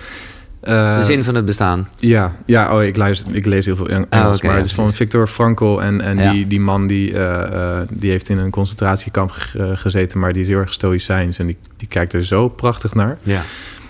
Um, ik had uiteindelijk niet geantwoord over US. Um, je vroeg ook de, bij mijn missie volgens mij de why, zeg maar. Ja. Maar hij zegt dus ook inderdaad van... ja, als je eenmaal gewoon door wil gaan, dan, dan kan je. En als je op een gegeven moment het opgeeft, dan houdt het ook op. En nou, het is echt prachtig. Ja, het is een heel klein boek. Ja, goeie tip.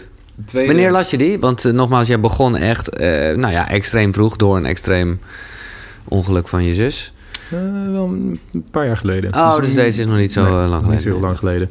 En wat, tweede... wat las je, maar misschien komt dat in de ja. volgende. Maar ik ben zo benieuwd, wat las je toen je 15, 16 was dan?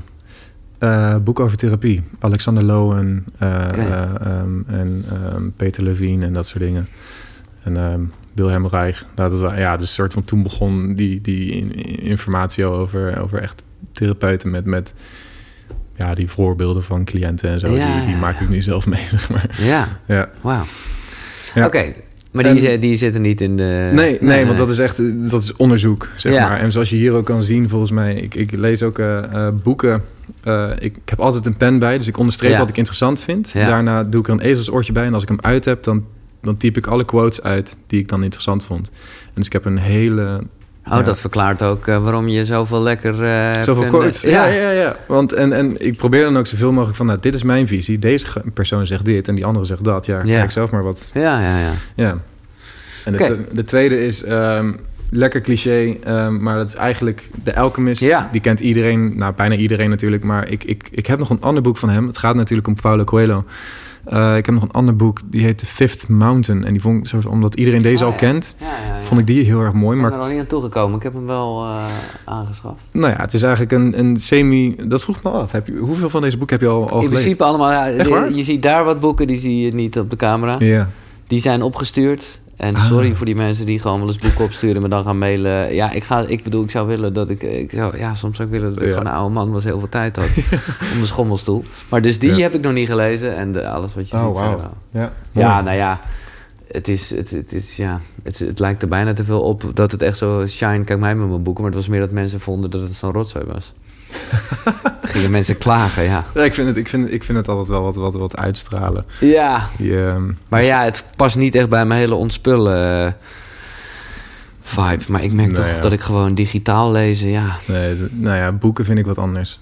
Vind ik gewoon, Ja. dat, dat mag er zijn. En dat- ja. Zelfs als ik luister, wat ik veel doe ook in de auto, Mm. en ik vind een goed boek, bam, dan koop ik Ja. hem ook nog even. Ja, ja, ik heb ook het liefst gewoon nog... Ja, toch? Ja, Ja. dat zeker. Maar de Alchemist, ja, fantastisch. Ja, ja dat is echt, gek. eh, En eh, de laatste... ehm hoe de fuck vind ik geluk? Nee. Thijs. Nou, Ja. dat vind ik top.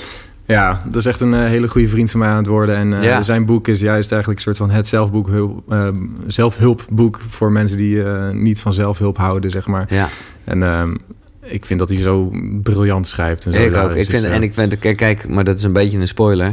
Ook zeker voor zijn theatershow. En die heeft daar wel mee te maken. Maar zijn theatershow gaat nu nog een stap verder. Dus als je nog in de mogelijkheid bent, als je dit hoort om naartoe te gaan, doe dat. mm, Eh, want eigenlijk, en dat is een lichte spoiler, maar ik denk dat voor de luisteraars van Koekeroe dat ge- niet erg is. Gaat het helemaal niet over hoe de fuck vind ik geluk, maar hoe de fuck vind ik verbinding met mezelf. ja. En dat, nou, dat had ik ook nog wel aan jou eh, de vraag. Omdat jij, hè, jij je, eh, gezonder, gelukkiger, bewuster, dat is wel echt waar jij voor staat. Dus is dan automatisch mijn vraag: wat is dat dan gelukkiger? Ehm, in, in, in, in hoe ik leef eigenlijk, ehm, dus het innerlijk werk doen. Dus schaduwwerk. Eh, Als ik voel dat ik me onzeker voel weer, of dat er een pijn zit, of ja, dan ga ik eraan werken en daarna is het ook gewoon weg. Het idee is zeg maar van het innerlijk werk dat het daarna ook gewoon vrijer voelt. Dus ja, geluk gaat voor mij samen met ehm, steeds meer innerlijke vrijheid voelen. Veel Ja. meer rust. Ehm, en dat uitzicht in, in ja, ik, ik, eh, ik heb heel lang gedaan en ik doe af en toe nog wel aan, aan positieve affirmaties, zeg maar. Maar het moet niet geforceerd zijn. Het moet niet voelen alsof je liegt tegen jezelf. nee. Eh, dus daarin... ehm, Echt de vrijheid om te voelen wat er is. Ja, En nou ja, dat sluit heel erg aan bij de koekeroe-gedachte. Ik heb wel vaak gezegd: koekeroe is er niet zozeer om je beter te laten voelen, maar om beter te worden in voelen. En uiteindelijk, en dat is een beetje wat jij dus ook met gelukkig gezegd, voel je dan misschien wel beter, terwijl je ook gewoon veel, eh, terwijl je misschien wel intens verdrietig even kan zijn. ja Maar- juist dat ook Ja. toe- toestaan. Want dat, Ja. ik, ik vind juist die, die negatieve emoties die we soms niet toestaan of kunnen voelen... Ja, Het heeft echt een schoonheid. Ja. Ik vind het soms prachtig om even hard te kunnen huilen. En, en zelfs in, in, in intense pijn en verdriet. Ehm, nou ja, je- ook met ayahuasca is er heel veel, heel veel pijn uitgekomen. Ik vond het, eh, ergens heeft het ook een schoonheid. Zeker. Daarom ook een beetje die, die duisternis waar nee, we ik het over vind het mooi hoor. Sterker Ja. nog, eh, dat is een, eh, een vraag. Als je moet kiezen tussen succes of falen, wat kies je dan eigenlijk? Kom je van beide? Ja. Nee, dit is ook een beetje een gekke vraag. Want, maar je, je leert meer van falen. Dat Zeker, is eh, wat jij daarom. ook, maar daaruit haal je weer succes. En Ja, ja, ja, dus precies, inderdaad. Eh, de drie boeken hebben we gehad, hè? Ja. Ja. Nou, laat ik gelijk even, voordat ik het vergeet... eh, ook vragen naar een andere routine in eh, dit eh, programma. Namelijk, wat is jouw ochtendritueel? Heb je een ochtendritueel? ik doe mijn best. Oké, nou, dat is wel... eh, Ehm, dat is mooi. Wat er in mijn eh, kalender staat is eh, relatief vroeg opstaan, vind ik. Het valt vergeleken met anderen valt het misschien wel mee. Maar ehm, wat ik in de ochtend gedaan wil hebben is ehm, mediteren, lezen en sporten. Ja, Dus ehm, eh, ik wil naar de gym geweest zijn, ehm, maar ook gewoon echt even stilzitten, mediteren en dan eh, een stukje lezen. En dan, maakt de volgorde nog heel erg uit? Nee, niet zozeer. Nee? Oh, dat Nee. is grappig dat je zegt. Want ik merk gewoon dat ik wel beter eerst kan mediteren... en dan pas kan sporten. Want op een gegeven moment, nou, als ik dat omkeer... wat wel eens gebeurd is, dan is er al zoveel geactiveerd. En ja, dat, eh, Ja, ja, ja. ja. Nou ja, daarin, ehm, daarin afhankelijk van, van ook hoe ik sport en hoe ik me voel. Dus als ik gewoon echt moe ben, dan ga ik eerst mediteren om een beetje energie op te bouwen. Maar dat is ook weer het stuk van voelen, instinctief voelen. Gewoon je lichaam, want soms gaan we ook echt sporten terwijl we kapot zijn. En nee, dan, dan moet je ook gewoon niet, niet zo hard sporten. Of de Nee. helft van de herhalingen, de helft Ja. van het gewicht. ja Als je hoge stress hebt of heel wees erg ook moe, lief voor jezelf in dat opzicht. ja, dus, ik, en dus mijn discipline is ehm, nou, het was voor de corona was het vijf keer in de week. Nu is het vier, soms vijf keer in de week eh, eh, eh, trainen. Dus ik ga naar de sportschool. Maar dat betekent niet dat ik ga trainen. Soms ga ik even liggen, ga ik even stretchen. Soms ga ik mediteren in de gym en ga ik weer weg. Soms check ik in en ga ik ook meteen Maar je weg. gaat er wel altijd naartoe. Dat is gewoon een beetje de kracht van herhaling en gewoonte. Ja, ja. Ja, soms mooi. alleen in de sauna. Dus, Ja, ja, ja. Maar dat is een mooi iets wat je aanhaalt, want het gaat natuurlijk hier over discipline. Jij zegt discipline is betrouwbaar en motivatie is afhankelijk van iets buiten jezelf. Ik, ik snap hem niet helemaal.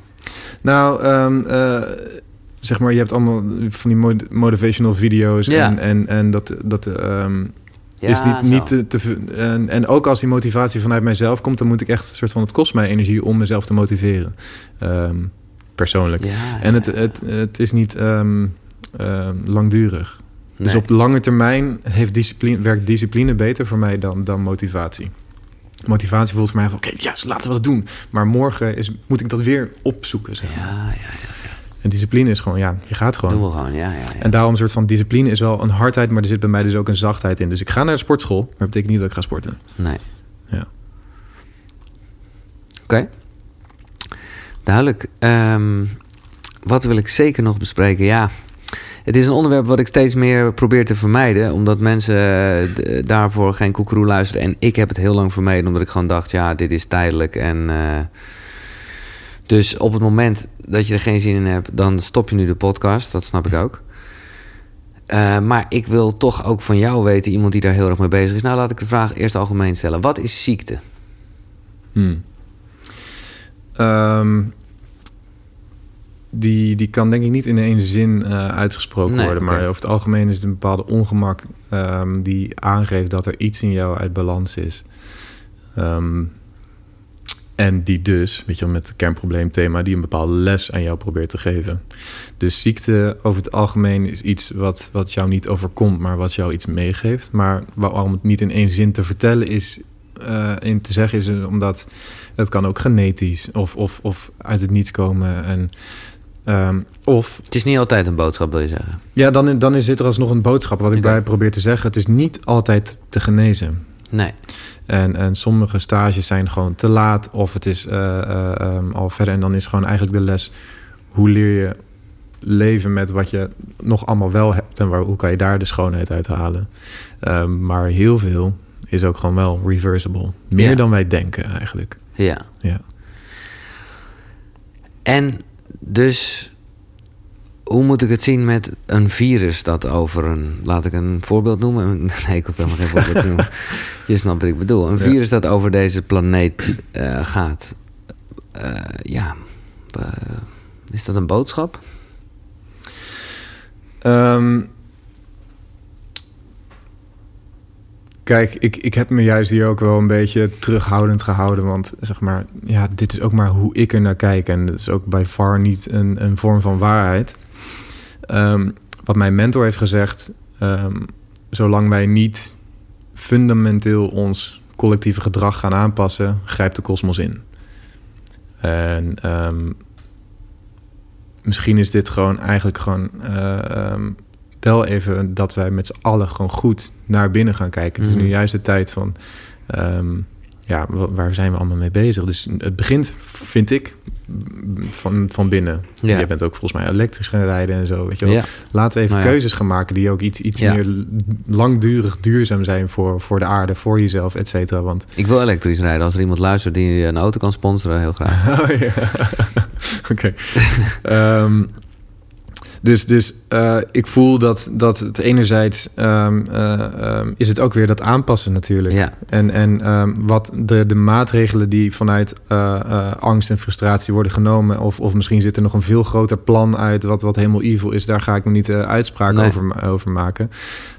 Wat ik wel weet is, ja, nou is, nou is de time more than ever om innerlijk werk te doen en goed. En hoe meer, meer innerlijk werk je doet, hoe beter jouw systeem wordt, hoe gezonder, zeg maar. Dus daarom gezonder, gelukkiger, bewuster. Want wij hebben gewoon betere voeding nodig. We moeten gaan bewegen. Ons immuunsysteem moet ook gewoon heel veel sterker worden. Heel veel sterker. Ja. En ehm, ja, ja, ik denk dat dat voor... ja. Ja, oké. En wat is de holistische aanpak om eh, van corona af te komen? Nou, ik moet zeggen, ik heb het eh, eh, eh, denk ik, ik, ik. Ik heb het denk ik twee keer gehad, maar ik heb er gewoon echt weinig last van gehad. Oké. Heel erg weinig. Heel erg weinig. Dus ehm, ehm, misschien zegt dat iets over mij, misschien zegt het helemaal niks over mij. Misschien is het, eh wil ik veel, een lichtere vorm of ik hou me er niet zo heel veel Nee. mee bezig.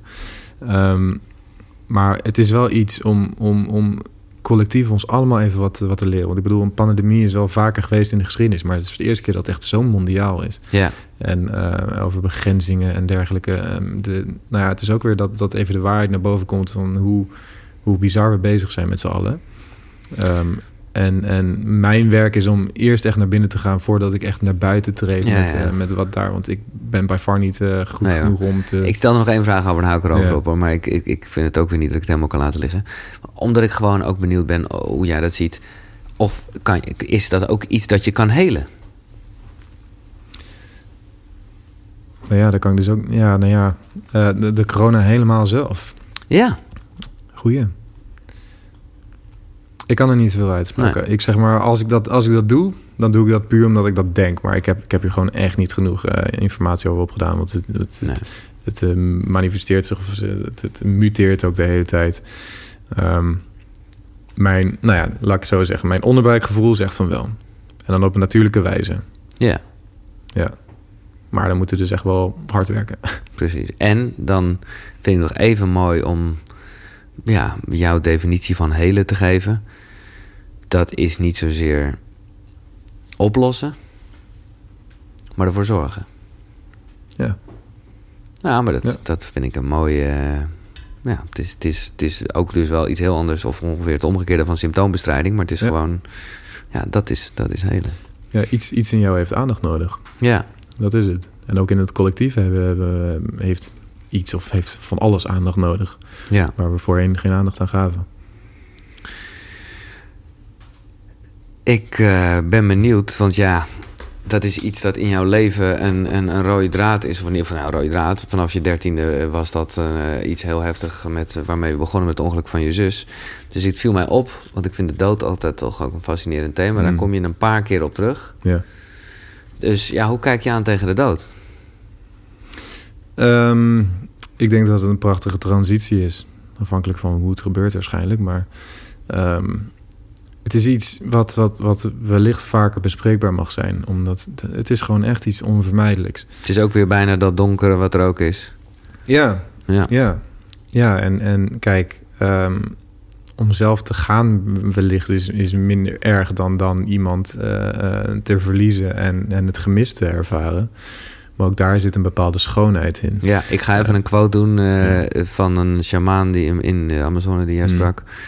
Dood laat een pijn in het hart achter die niemand kan helen. Liefde laat een herinnering achter die niemand kan stelen. Ja, Ah, dit is fucking mooi. ja. Dat heeft dan ook wel heel erg dus met de dood eh, van je zus te maken. Hm. Maar hoe kijk jij aan tegen de dood? Even gewoon, wat denk je dat er gebeurt? En ik snap dat je dat niet weet, want we weten we allemaal niet. Maar ja, je bent er toch mee bezig. Ehm, ik, ik moet zeggen dat ik de laatste tijd er ook niet, zo- niet zoveel eh, aandacht meer aan heb besteed vergeleken met vroeger. Ehm, maar hoe, zie, hoe kijk ik ernaar, zeg maar? Ja, wat, wat gebeurt er technisch bijna? Technisch. Ehm, je, wordt je wordt, je wordt eh, 0,21 gram lichter volgens mij. Ja? ja, dat is wel heel technisch. Ja. Eh, dat is het, het meest technische. Ehm, kijk, eh, eh, er zijn mensen die uit hun lichaam kunnen treden. En, en er zijn mensen die helderziend zijn. Ehm, ehm, nou, oké, nee, laat ik het anders zeggen. Er is een bepaald boek geweest die ik in het begin eh, ook heb gelezen. Die had ik misschien op deze stapel Ja. kunnen zetten. Nee, had ik niet kunnen doen, want ik weet de naam niet meer. Eh, volgens mij is het Waarom wij naar de aarde kwamen, maar dat weet ik niet zeker. Het was echt een boek geschreven voor, voor, van, van 0 tot 100, voor iedereen, zeg maar. En het was eigenlijk heel mooi. Eh, en, en wellicht is het een fabeltje, maar ik, ik vond het gewoon mooi om naar te luisteren eigenlijk, of te lezen. En het zei eigenlijk, je bent gewoon als ziel Uh, heb je meerdere levens gehad. Uh, uh, en en um, vanuit verder van de aarde zijn er verschillende lagen van hemel, of hoe je dat noemt, een soort van dimensies of hoger. Ja. En steeds ja. meer richting het licht. Ja. en stel, jij zit in de, in de, de, de vijfde dimensie, dus alles is prachtig, iedereen is daar helemaal blij en fijn, is helemaal mooi.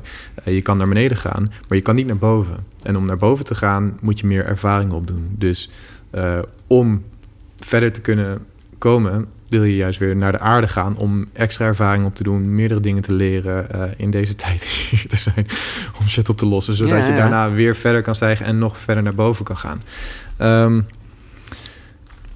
ik ben meestal wel van, van uh, ik wil dingen kunnen onderbouwen, maar het, uh, iets, het raakt wel iets in mij. Ja, ik vind het wel mooi. ja. Hey, dus je bent er ook zeker niet bang voor? Nee, nee. Ik voel ergens wel sterk dat wellicht en ook dit kan ik natuurlijk niet onderbouwen, maar wellicht is er gewoon wel echt een tijd voor uh, uh, wanneer je gaat. En wellicht kan dat ook veranderen. Maar uh, ik voel dat ik ook gewoon nog niet voorlopig nog, nog hier ben, omdat mijn taak ook gewoon nog oprecht niet voldaan is. Nee. Um, nou ja, ik, ik je, je zegt dat voor. we hebben het erover gehad en, en dat is vooral nou ja, jouw methode. Mm. Heel veel mensen mee helpen en inspireren. En vandaar ook dat je hè, eh, meerdere mensen opleidt die, die, daar weer meer mensen mee kunnen helpen. Ja. Maar heb je nog andere, wat, wat, wat, ja, heb je nog bepaalde ambities? Ambities, um, mannenwerk ook. Wat is dat? Nou ja, gewoon uh, um, um, mannen begeleiden, maar ook gewoon zelf heel erg leren om wat het betekent tegenwoordig om een man te zijn. Moeten we nou hard zijn? Moeten we nou zacht zijn? Uh, moeten we bovenaan staan? Of moeten we juist, uh, uh, wat ik nu ook heel erg leer, um, wij, wij zijn juist eigenlijk een soort van, we moeten heel erg goed luisteren naar de spiegels van, van, van de vrouwelijke energie. Hè? De vrouwelijke energie, niet per se de vrouw, maar um, daarin onderscheiden wat, wat, wat, wat echt, een, ja, echt een spiegel is om jezelf te verbeteren. En, ja. en een soort van de verhouding tussen mannelijke en vrouwelijke energie uh, in de wereld is uit verhouding, maar ook gewoon in de man en de vrouw ja. zelf. Ja, ja, ja. Feminisme is ook behoorlijk mannelijke energie natuurlijk. Dus, dus daarin ben ik heel erg aan het voelen van hmm. wat is mijn taak om, om en, en, en wie zijn mijn voorbeelden eigenlijk van een, een, een echte goed gebalanceerde mannelijke energie. Ja. En uh, tussen mannelijk en vrouwelijk trouwens. En uh, dat, dat vind ik een fascinerende zoektocht eigenlijk. Ja, ik vind het ook. Want dat, dat, brengt me op één onderwerp waar ik jou ook over gehoord heb. Veel meer in, uh, in context van het shamanisme. Waarbij ze geen arm om jou heen sloegen. Maar uh, hè, spaceholden zoals dat heet. Ja. En ik vind dat heel mooi en ik voel het ook wel. Maar ergens denk ik, ja, maar ja, empathisch zijn is toch ook een kunst. En dan ja, dan weet je, te, dan kan je in ieder geval, ben je bezig met die ander en, en dus heb je daarmee verbinding mee. Ah ja, nou ja, kijk, wat ik schreef over de shamanen, dat zij uh, soort van juist aan het space houden waren. Ja. Uh, betekent eigenlijk, um, ze gingen niet naast mij zitten en balen van hoe zwaar ik het had. Nee. Ze gingen ook niet de pijn van mij overnemen. Nee. Wat heel vaak gebeurt van, oh kom maar hier, het komt goed, het komt goed. Dan, dan ben je soort van de pijn aan het delen. Laat, laat als iemand in een Maar dat is ook wat je zit, toch vaak wilt doen. Ik bedoel, is dat uh, echt verkeerd? Um, nou ja, um, nee, dat is helemaal niet goed. Maar wil je helend werk doen, dan moet iemand echt, of ja, mag ja. iemand gewoon echt zijn innerlijke werk gaan doen. En dan mag je even er doorheen. En daarom, je mag echt wel een hand op, de, op iemands rug of op schouder leggen. Maar je wil niet de pijn overnemen, want Nee. da- daar heeft niemand wat aan. Het is zijn pijn of haar pijn. Um, even terug herleiden naar wat, wat we daarvoor hadden. Ja, maar het ging wel over Oh, ja, die man, ja, ja, nee. Maar als het gaat dan om, om juist mannelijke energie, is dat juist elkaar juist knuffelen. En, Ja, en eh, want dat soort van juist die hardheid en eh, we geven elkaar een box. Ja. Nee, eh, juist, ik, heb Ja, echt, ja. ik ben omringd door, door, door mannen die juist kunnen knuffelen en juist die zachtheid ervaren. En dat, dat vind ik juist prachtig. We gaan allemaal sporten, we gaan zelfs sparren. Maar we geven elkaar ook echt een knuffel. En, ja. en we zijn er juist voor elkaar als, als, als ik mijn emotie moet uiten. Of andersom. Dat, dat is juist een beetje waar, waar ik eerder naartoe zou willen gaan. Ja. En in de ambities, eh, ja, vraag ik me af, na alles wat jij weet eh, over hoe een trauma werkt, eh, en dat je eigenlijk, misschien is het ook een soort rust, maar als ouder het nooit goed kan doen, want het, hè, eigenlijk krijg je altijd een trauma, zou je kunnen zeggen. Wat het ook gelijk het woord wat minder heftig maakt, is meer, ja. Ja. Durf jij nog vader te worden? Ja, heel graag. Oh nee, heel graag. Ja, Nee, dat ja, was ik een beetje via een omweg te vragen of je die wens nog had. Nee, ehm, ik... eh, eh, Juist wel, want die, ik bedoel, ik ben hier ook gekomen om juist te leren van, van de. Van, ik, ik heb echt ik heb geweldige ouders. Ik heb ook echt een geweldige jeugd gehad. Heel erg liefdevol Ja. opgevoed. Uh, maar ook zij, eh, evenals iedereen, had gewoon wel hun, hun, hun kleine dingetjes. Ja. En, Zoals jij die ook zal hebben. ja, en, en um, waar ik heel erg dankbaar voor ben... en um, wat ik mijn uh, cliënten ook aanraad... is gesprekken aangaan met uh, de, je geliefdes over vroeger. Niet van, jij hebt dit gedaan of daardoor heb ik dit. Nee, maar gewoon van, hoe was het voor jou? En ik heb hele mooie, helende gesprekken gehad met mijn ouders. Daar ben ik onwijs dankbaar voor. Ja. En ik voel... Uh, als het gaat om de missie, hè, miljoenen mensen helen, uh, gezonder, gelukkiger en bewuster maken, voel ik ook uh, dat we deze generaties juist zoveel mogelijk aan het schoonmaken zijn, zodat de volgende generaties ook veel minder wonden zouden over, uh, overnemen van ons. Want wat je dan echt hebt doorvoeld en meegemaakt, dat zal niet meer terugkomen. Nee, Nee. dat voel ik wel. Nou ja, maar dan zit dan weer een fantastische tijd. Ja, Nee, maar echt, Ja, dan zijn ja. we aan het groeien als een malle. ja. Eh, hoe wil je herinnerd worden? Dennis van Miltenburg. En dan bedoel ik even niet nog als een lieve vriend of een leuke broer of een fijne zoon of misschien in de toekomst een fijne vader. Maar eh, de rest. Hoe wil ik herinnerd worden? Ja. Maakt mij niet uit. Ja. Nee, nou ja, oprecht, het maakt mij niet uit. Uh, uh, uh, daarom ben ik hier niet in, om een soort van dat ik herinnerd word. Nee. Het is, het is. Maar ja, dat gaat gebeuren, want je bent, hebt een missie waarbij je miljoenen mensen gaat inspireren. Ja, en, en wat ik hoop is dat uh, de methode, dus holistic movement, zich voortzet wanneer ik er niet meer ben. En dan is ja, dat de ik bedoel, uh, ja, dan ga je toch ook niet zo op je boek staan. Nou, dat was, dat was eigenlijk een soort van... Ik, ik, ik wou eigenlijk een beetje meekrijgen. En ik heb er al heel lang over nagedacht. Ik vind het leuk hoor. ik Nee, ik probeer het niet als een soort Nee, quiz ja, nee, ik heb er heel lang over Je hebt nagedacht. fucking goed lijf. eh. Ik, ik, ik heb uh, gevoeld van, oké, wat als het, als het voor mij persoonlijk een, uh, uh, over zoveel jaar, dat ik een beetje de transitie van, ik ben, ben bij de holistische reis, ben, het is vijf, zes jaar geleden, Ja. ben ik echt nog een jong broekie, zeg Ja. maar. En als ik over een paar jaar weer een boek ga schrijven, hoe doe ik het dan? Dus een soort van meer- oké. uh, paspoortachtig idee. Uh, Maar maar, goed, ja, nee, maar ik, blijf er wel bij. ja, maar je, je, wil, je, je gaat herinnerd worden. Daar heb je geen eh, zeggenschap over. Want dat is gewoon een feit. ja. Je hebt twee boeken uitgebracht. eh, Je, je gaat heel veel trainers opleiden. Dus ja, dan gaan die mensen zeggen... Ah, die Dennis. En wat hoop je dan dat ze zeggen? Nee, het maakt mij echt niet uit. Nee, dat begrijp ik dat je Nee. niet uitmaakt. Maar wat eh, denk je dat ze gaan zeggen? Laat ik het dan zo zeggen. Weet ik niet, dat laat ik ook echt aan hun over. ja. ja. ja. Nee, natuurlijk laat je dat aan hun over. Maar ja, jij staat nu als mens op deze planeet. Jij hebt contact met veel mensen. Nou, wat, wat ik echt hoop is dat, dat, dat, eh, dat, dat de fundering van, van mijn bedrijf dusdanig staat dat, dat anderen het kunnen voortzetten. En, en ja, oprecht voel ik nu gewoon dat het daarbij blijft. Het maakt mij echt niet uit van eh, hopelijk positief. Eh, ze mogen ook zo eerlijk zijn als het maar kan als ik, als ik iets, iets in de steek heb gelaten of iets niet goed heb gedaan. Maar het liefst hoor ik dat voordat ik ga. Ja, ja, precies. En, en ehm, ja, nee, ik voel hem gewoon niet. Nee, ehm, ik, ik denk, ik, ik, ik, ik hoor het dan wel. Of niet? Hoezo? Nee, dan hoor je het dus Ja. niet. Nee, je je? gaat, je- dat hoor je dus niet. Ehm, wellicht wel. Ja, precies. Ja. En dus dan, eh, oké, dus ja, oké. Nou ja, dan horen we het dan. Nee, ja, sowieso horen we het pas dan, maar dan, dan nog. Dan heb je het toch. Ja. Ik bedoel, ik ben blij dat ik zelf nooit deze vraag krijg, want ik zou ook niet zo weten wat ik moet antwoorden. Bij deze. Maar nee, ja, nou ja, maar dan zou ik het op zijn minst eh, zeggen dat ze denken, nou, prettige mens, ja. Oké, nou mooi. Ja, is er niet nu iets wat jou inspiratie geeft, want je wil ook niet, je wil niet eens een prettig mens worden gevonden. Nou, ik wil het niet voor ze bepalen. Nee. Nee, maar dat zeg ik ook niet. Dat je, ik zeg niet dat jij nu gaat bepalen. Nee, nou ja, kijk. Ja. Ik proef, eh, ik weet niet wat hier zit. Wat zeg je? Ik weet niet precies wat hier zit.